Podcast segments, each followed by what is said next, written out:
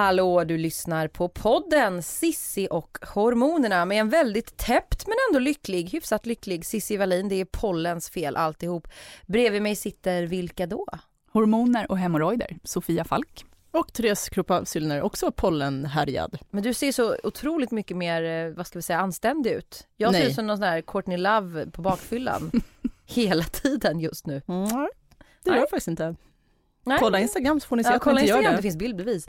Idag ska vi prata om någonting som också är jobbigt, kanske ännu jobbigare än pollenallergi, nämligen när barn, alltså små barn, ens, ens eller andras barn, eh, är extra jobbiga, extra krävande och då kanske man tänker så här, vadå, är inte alla barn det ibland? Jo, fast det här är lite over, ska säga, over the top. Exakt, en unge med extra allt. En unge med extra allt. Vad Mm. kallas det här? Jag är helt novis på det här så ni får, eh, ni får utbilda mig och lyssnarna i det här ämnet. Jo, det finns ett ord för det här och det är high need babies. Eh, och ja, på svenska, vad säger man? Skitjobbiga ungar. Ja, Direkt precis. På ren svenska så kan man också säga överlevnadsbarn, kallas de. Aha. men vänta, inte alla, ursäkta här nu om jag är en biologist, men inte alla barn överlevnads? Nej, men det Benägna, kommer sig eller? av, och det kommer vi komma in på sen när vi pratar om det här, att eh, en väldigt tydlig karaktäristika för de här high need babies är att de skriker väldigt mycket. Mycket omedelbart och liksom, det går ofta från 0 till 100 och de är väldigt starka i att ut, liksom uttrycka sina behov. Mm. Och de menar då på de som har myntat uttrycket överlevnadsbarn att när barn har funnits på barnhem så tenderar ju de att ta upp de barn som skriker mest och de barn som skriker mest är ofta high need bebisar. Så det finns en anledning till att de skriker såklart. Det är en överlevnads, en extra, Ja. de behöver Precis. extra omvårdnad. Ja. Ni har ju båda av ett sammanträffande haft, eller har, inte längre kanske, men high need babies. Ja. Jag har ju inte det, inte hittills i alla fall, i mitt barnaskaffande. Så därför är jag helt som sagt, kan ingenting om det här egentligen. Vad, vad, är- hur har det varit? Berätta Tessan. Nej men så här, och jag, det har ju faktiskt inträffat med båda mina barn, men det, den största käftsmällen var ju såklart med första, när man inte riktigt vet hur, eh, men hur bebisar beter sig, annat när man sett på film och kanske hos kompisar. Och då när man får den här lilla vrålande arvsmassan, det började verkligen redan på BB att Mira skrek och då vet jag att en sköterska sa så här, oj, här, det här var ett hett temperament och då tänkte jag så här, nej men så där säger man säkert om alla barn. Och sen var det att man inte kunde ligga ner i backen, och kunde inte ligga själv en sekund. Backen, alltså den, Den här, här, lilla plastlådan som man kan rulla runt. Helmer älskade den. Mm. Mm, Det gör alltså inte alla barn. Nej, Mm. och samma sak, det fortsatte ju där, att, eller efter det, att så här, det gick ju inte att lägga ner Mira i en vagn. Ja, men det kommer jag ihåg. Eller nej, det gör jag inte alls det. det Men Morris du. var ju likadan. Mor precis, det, Mm. var, det, var, det var Morris, Mm. din, ditt andra Så barn. när vi skulle ta den här första mysiga barnpromenaden så var det ju bara under skrik och panik och det kom typ så här två meter och sen så var det bara att plocka upp. Och det, det är så här också att alla barn kan skrika eh, och man kan ha något så här, men låt dem bara ligga så lugnar de sig lite. Men ofta med ett need eh, barn eh, så slutar det inte, det bara tilltar. Det blir liksom bara mer och mer hysteriskt skrik. De kan inte, de har inte förmågan att liksom självtrösta sig eller liksom att det klingar av, att de blir distraherade, utan har de börjat skrika, då, liksom, då eskalerar det bara. Och det måste ju varit extremt eh, chockartat, framförallt med första, när Ja. man inte som du säger inte visste någonting. Ja, och min eh, just känsla var ju så att gud, har alla det så här? Varför är det inte fler som typ har klagat? Och så här, jag kände som att det var otacksamt när jag klagade för jag tyckte det var jobbigt typ när jag så här, smög fram det på BVC. Men jag fick det första liksom bekräftat när man var på första mammagruppsträffarna och jag själv gick runt så här hysteriskt Mira och guppade och guppade och guppade. Liksom, Och hon ville inte sluta böla. Nej, och sen så alla andra bebisar låg verkligen på en så här filt på golvet och eh, jag fick amma Mira så här konstant och sen så bara gå runt och så här bära, bära, bära och det var så här konstant skrik. Och då bara så här, men nej, alla ungar är ju verkligen inte så här. Och då självklart kommer det här, är det jag som har gjort något fel? Ja men gud, Mm, alltså man känner sig så otillräcklig. Mm. På tal Och, om men det var ju faktiskt i den vevan som jag och Sofia startade bloggen. För Sofia hade det precis likadant på sitt håll, Mm. på andra sidan stan. På andra sidan Mm. stan satt en kvinna, Och grät, Och grät. hysteriskt i kapp med sin son. Ja, det var precis så. ditt första barn också. Ja, precis. Malte, han är lika gammal som Tessans Mira. Eh, ja, och de, nej, men det var mm, exakt samma historia. Eh, han skrek och skrek från start. Eh, på BVC så då sa ju sköterskan där också så här, ja, det här var han inte bekväm med. Och för mig var det ju så där att, ja, okej, men, nej, men det är väl precis som Tessan sa, det, det är väl så här det är. Men nu när vi har fått ett till barn, Harry, ett år, då mm, man, man liksom, jag märker och jag ser att det inte alls eh, är någonting som alla bebisar har eller är. Det är stor skillnad. Det är jättestor skillnad. Som såklart kan vara individuell på andra sätt också. Men det här måste ju alltså jag blir så, jag blir så ledsen och, och vad ska man säga, känner så starkt med alla som går igenom eller har behövt gå igenom det här att man, det snackas inte så mycket om det. Ja, man känner inte till fenomenet, att det finns ett ord för det, det finns en term för det. När fick ni veta att det fanns, att det fanns en, en diagnos, ska vi inte kalla det för, men en beskrivning? Jag hade som tur var en gammal barndomskompis som själv hade fått ett sånt här krävande barn. Och hon sa det till mig när Malte var några månader tror jag, då pratades vi och då sa ja men det finns någonting som heter high need babies liksom och de, eh, de är extra allt. Eh, och, ja, och det var tack vare det som jag, för då började jag googla runt lite, för jag hittade ju ingen information på svenska, eller väldigt lite i alla fall. Men på engelska så finns det ganska mycket, det finns forum och sådär. Så det, ja. Och kände, kände du då så oj nu ja. det här är, precis, det här är vad det är ja, så att säga. Precis. Var det samma för dig Tessan? Ja och det var faktiskt, det var Sofia som tipsade mig om själva termen och att det liksom fanns ett begrepp för det. Eh, och där, det är otroligt trösterikt för när man går in då på bland annat den här sajten som vi båda varit inne på så finns det ju så här, typ, inte kriterier, men kännetecken för en high need baby. Och då när man läser dem, då är det bara som att komma hem. Då är det så här, men okej, okay, mm. det här är ni, min bebis. Liksom. Kan inte ni, eh, du som sitter jo. med mobilen i högsta hugg, dra några så folk, för man kanske lyssnar och tänker så här, vadå alla barn kan ju vara jobbiga, hur ska jag veta om hur mm. jobbigt ska ett barn ja. behöva vara eller krävande för att det ska vara en high need baby? Ja, och grejen är att de här, jag tror att det är 12 olika egenskaper eller kännetecken och alla barn kan uppvisa de här någon gång, men sällan liksom parallellt samtidigt på en gång extra allt. Det är väl där någonstans man kan börja misstänka misstänker låter superkonspiratoriskt, men man kan liksom förstå att okej, okay, jag kanske har en bebis som är ovanligt krävande. Och det första kännetecknet här, det är intensiva intens på engelska. Eh, och första citatet är “He's going to be a handful”, one nurse said to another as they try to console newborn baby George. Just att det, då går det inte att trösta, det är bara liksom skrik och panik och en kakofoni av eh, läten. Andra punkten är hyperaktiv. Och det är som sagt, har väldigt svårt att komma till ro, de är igång hela tiden, tittar, står, spjärnar, det minns jag båda, liksom att det, det är inte den här lugna chillbebisen som bara ligger på ett täcke och glor liksom. Utan det är hela tiden, kroppen är så superaktiv, de väcker sig själva, starka reflexer och så eh, nästa är draining. och det är just där att det är väl egentligen mer en konsekvens av de här superstarka eh, behoven, att de är så, man blir helt utmattad av att ha att göra med de här. Eh, feeds frequently, vill ofta äta. Mm. Eh, och om man ammar så är det amning ofta, flaskmatar man så är det mm. flaska ofta. Men så det är inte så här var tredje timme, var fjärde som Nej. det kan vara för Nej. andra? Exakt, det är där man också blir så, så knäckt just när andra säger det. Mm. Så här, men vad, mata var tredje, fjärde timme, så här, men det, det, går ju inte. För då vaknar efter 20 minuter och vrålar och man måste ge dem mat. Liksom. Då kanske det blir att man matar var 20 minut. Eh, så nästa punkt, eh, demanding. Och det är väl också en väldigt så här, generell high need Krävande. är ju på något sätt, ja precis. Eh, och sen har vi awakens frequently, mm -hmm. check på den. ja. Att det blir inte de här liksom, tre timmars sovpassen, eh, som jag också då uppfattade att andra i mammagruppen hade, utan de hade liksom tre timmar mellan tio och ett när de liksom kunde göra vad de ville. Och de här oh. tre timmarna kom jag aldrig. Det hade inte jag, för, för att på no trösta eller göra det jobbigt för andra, jag vet inte. På något sätt, jag hade inte heller, eh, även fast inte min bebis eh, var high need, så han sov inte heller så här, tre timmar, även när han var pytteliten, tre timmar ihållande. Mm. Det, så att det här, kolla en massa tv-serier och börja läsa böcker.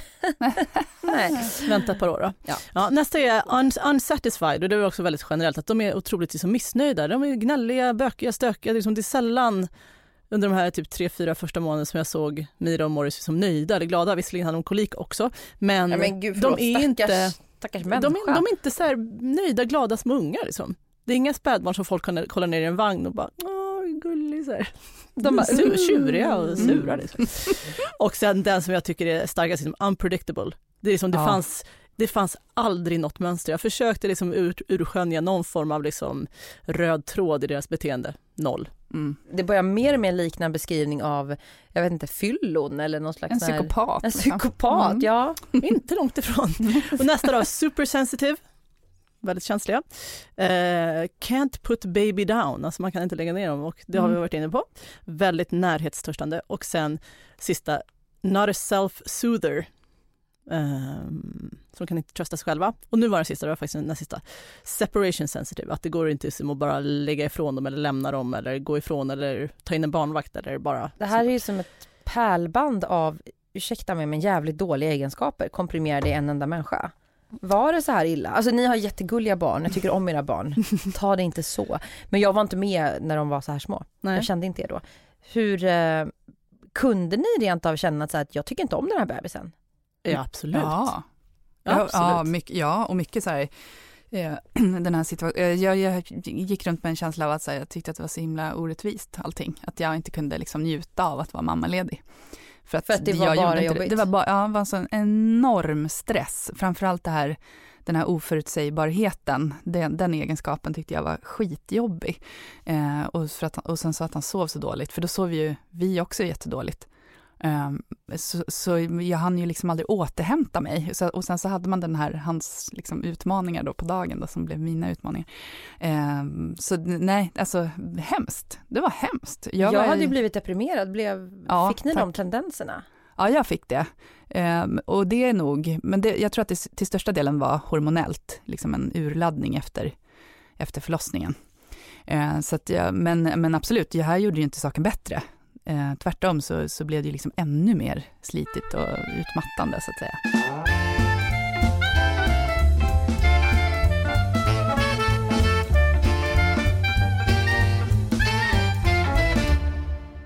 Pratar man mer om det här? Vet folk vad, vad man menar? Så här, men du har en high need babe, eller jag, att man berättar det och så fattar Mm. människor. Men jag tycker nog att det har blivit en, en större eh, förståelse, eller att ja, folk känner till termen lite mer. Men jag vet ju inte om BVC eller sådär tar upp det, eller att det finns, eh, att det är så pass vedertaget, det vet jag faktiskt inte. Men, eh, men vi märker ju också att folk som kommenterar på vår blogg, eh, där är det många som vet och känner till det. Ni får läsa våra bloggar på mamma.nu, by the way.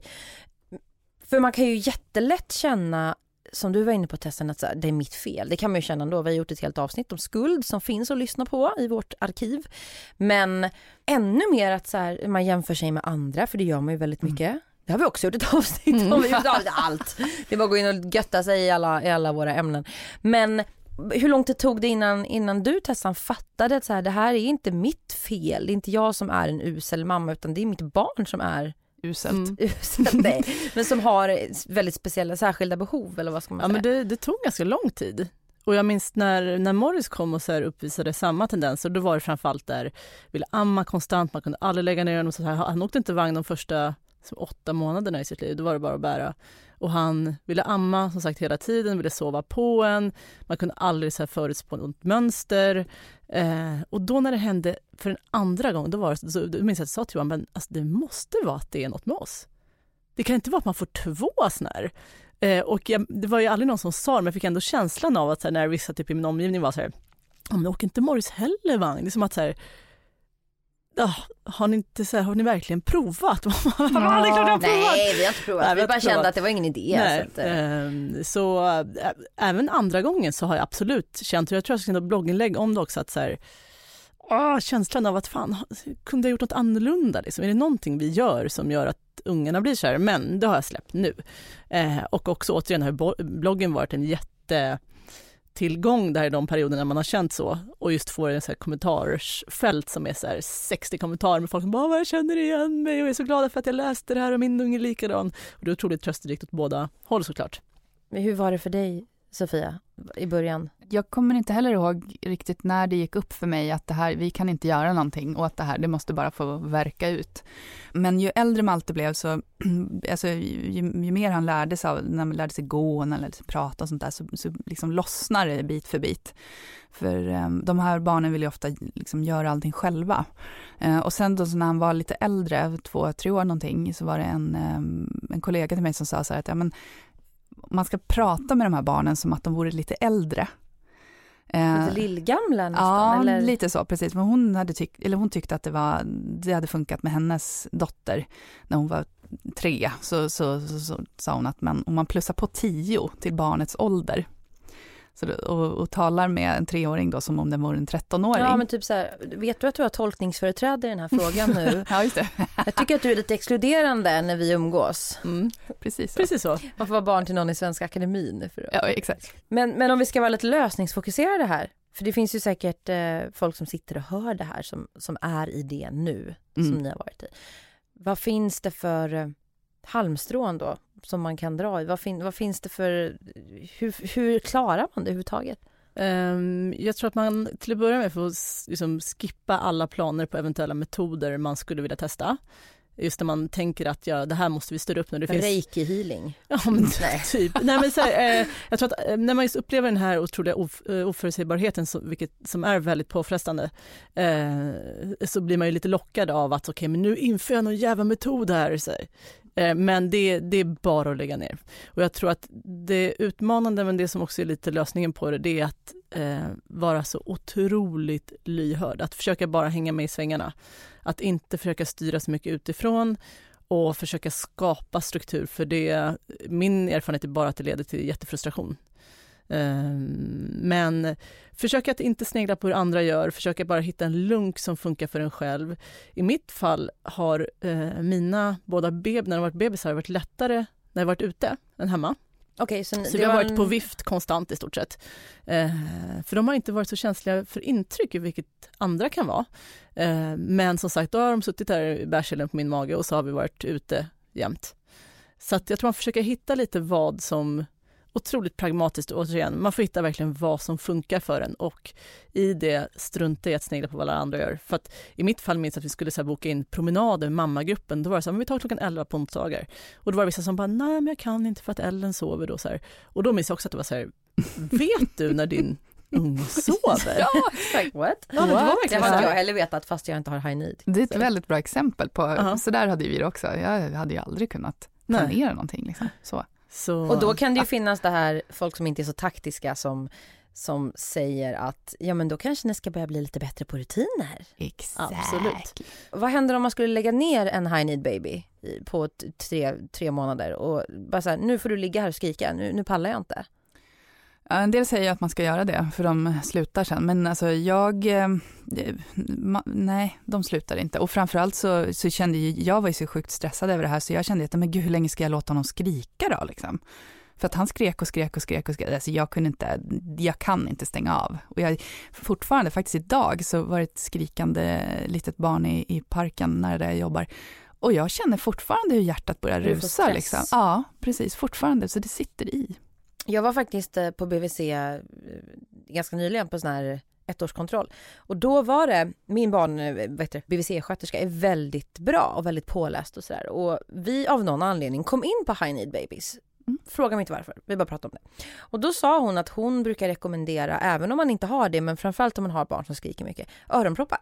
Mm. Och jag tycker det känns så här morbid, eller vad säger man? Att, mm. att ja vadå ska man bara, ja fast det, det är många sätt att palla. Ja, Ja men absolut, för att det handlar ju i viss mån om att stå ut liksom. Och så eh, just det här eh, som de säger att man ska lämna barnet, alltså om man själv känner att shit nu brister det, nu, nu exploderar jag, man ska lägga ifrån sig barnet och så går man in i ett annat rum och bara andas och så går man tillbaka, för det är ingen fara. Eh, det kan jag säga är jätte, jättebra. Det funkar, liksom, ja. för ungen kommer ju uppenbarligen ingenstans när den är så Nej. liten. Nej. För jag tror nästan att det räcker med sekunder i det här fallet. För att som jag sa tidigare, alltså jag har ju aldrig kunnat lämna eh, honom skrikande under någon längre stund, liksom. det hade inte gått med de här fem minuter så de där. Men, men just bara för några sekunder och så gå in någon annan, i något annat rum och hämta andan och gå tillbaka, liksom. det, det tycker jag, det ska man göra. Jag tror att det närmaste jag har varit är liksom att lämna Eh, skrikan då just fått den här tesen bevisad att det, det, som det går inte över, det är ju i bilbarnstol, alltså i bilen. Morris, både Morris och Mira, de har ju skrikit i så här, eh, Stockholm, inte Uppsala för de har vi inte pallat, men typ så här Stockholm, eh, Södertälje. Oh. Oavbrutet, ja, och det, ja, går, kör, ja. det går inte över. Det är inte så att de så efter ett tag så lugnar sig och börjar så distraheras av någonting, utan det är bara, och det, jag spelat in en gång när Morris skriker, alltså det är ett sånt hysteriskt så här, högrött svettigt skrik. Och det är så här, det, det, jag tror ingen kan bara säga nej men det går över. Alltså, Höjer bilstereon nej, lite? Och det, alltså, det är skrik som inte går att eh, värja sig mot, skulle jag säga. Att vara ett sånt här high need barn, eller baby då som det oftast är, kan det medföra någon, någon nytta till och med eller någonting traumatiskt senare i livet eller vad, vad är er erfarenhet av det och kunskap? Liksom? Eh, alltså det, det jag vet det är väl att det är barn som är väldigt eh, vakna intellektuellt och liksom, ja, de är med och de har säkert väldigt lätt för att lära för att de liksom upp, de tar in omgivningen. Genier. Ja, genier, Babies blir genier. Ja, savanter. Nej, men, Bra. Nej, men de är ju ofta väldigt så här, viljestarka i sin natur. Och jag tror att det kan också, om det hänger med det, så är det ju en väldigt stark liksom, mm, en drivkraft, en viljestyrka som de har som jag tror kan komma till nytta. Um, men jag tycker med mina barn som är lite större nu, alltså intensiteten är ju fortfarande där. Men de är, nu har de ju rutiner, de sover ju och äter ju liksom. Och nu kan man ju, det jag tyckte var jobbigast med bebistiden var att man inte kan prata med dem. Att Nej, de, exakt, de, man kan inte kommunicera. Eller prata kan man Eh, göra men det, ja. Nej, man kan hantera de här grejerna som jag fortfarande verkligen kan se tendenser av. Men man kan ge utlopp och utrymme åt de grejerna på ett bättre och lättare sätt nu när de är större. Man kan prata och man liksom kan eh, agera på det på ett bättre sätt. För med en bebis, vad har man för val liksom? Man ska ju bara gå där och bära och hålla dem och mata dem konstant. Men med en intensiv fyraåring eller eh, femåring, då kan man ju verkligen så här, ut och springa, eller nu sitter vi och pratar, eller nu gör vi det här, eller nu... Man kan stimulera det på ett annat sätt tycker jag. Så det, om jag ska vara lite konspiratoriska så är det som att high need babies föds på något sätt som femåringar med samma stimulansbehov fast de är jättesmå och immobila. Så de, bara, Ja. "Eh, tje, de kan inte göra det de vill. men det är väl en jättebra beskrivning av, för det är precis så jag tror att det Så är. Benjamin Button light. Exakt. Föds som 90. Nej, Ja, men det tror jag verkligen är, om man, om man ser på det så, om man ser på sitt barn så, då tror jag för, att, faktiskt att det blir lättare. att Kanske. Det här är en väldigt gammal, eller en pigg gammal människa i en Ja. väldigt liten kropp. Så kan det vara. Har ni något sista råd, tips, eh, lästips, eh, Mm. länktips till eh, om det här till föräldrar eller andra som vill veta mer om high need babies? Ja, det finns en sajt som heter mammacoach.se där en bekant till oss som heter Therese Dahl Eh, har eh, beskrivit sitt, eh, sin egen erfarenhet av det här. Och nu hjälper hon föräldrar som också är drabbade av det här. Mammacoach.se, in och läs. Sen så i övrigt skulle jag bara säga tipset att man måste bara stånga sig igenom det där och försök liksom att vara, hänga med i svängarna så mycket det går och inte försöka liksom krampaktigt få till någon form av struktur på dagarna för att det är, ja, skulle säga omöjligt att försöka styra ett sånt barn. Be the Ehm, follower, not the leader. Exactly. Och sen så bara, du kommer att slås av insikten att man klarar så jäkla mycket mer än man tror. Och det sista, mycket efter det här man tagit det som den första bebisperioden som jag tycker i alla fall är mest intensiv med de här high need-ungarna, det är att mycket annat sen känns ganska lätt. Ja, det, det är sant. Du, man tittar på saker med, ett, med en annan blick kanske. Ja, man har en annan referensram att de första månaderna var svinjobbiga och sen så kan vissa andra moment kännas ganska softa. Som en Mm. picknick ungefär. Tack för att du har lyssnat på Cissi Hormonerna den här veckan. Följ oss på våra bloggar på mama.nu, eh, hashtag Sissi och hormonerna på Insta, men det är allt det där fattar du redan. Nästa vecka så ska vi snacka om mansplaining. Varför, hur, vad kan man göra, vad behövs åtgärdas i denna djungel av män som tror att de vet massa saker. Eh, ha det bra till dess, hej då!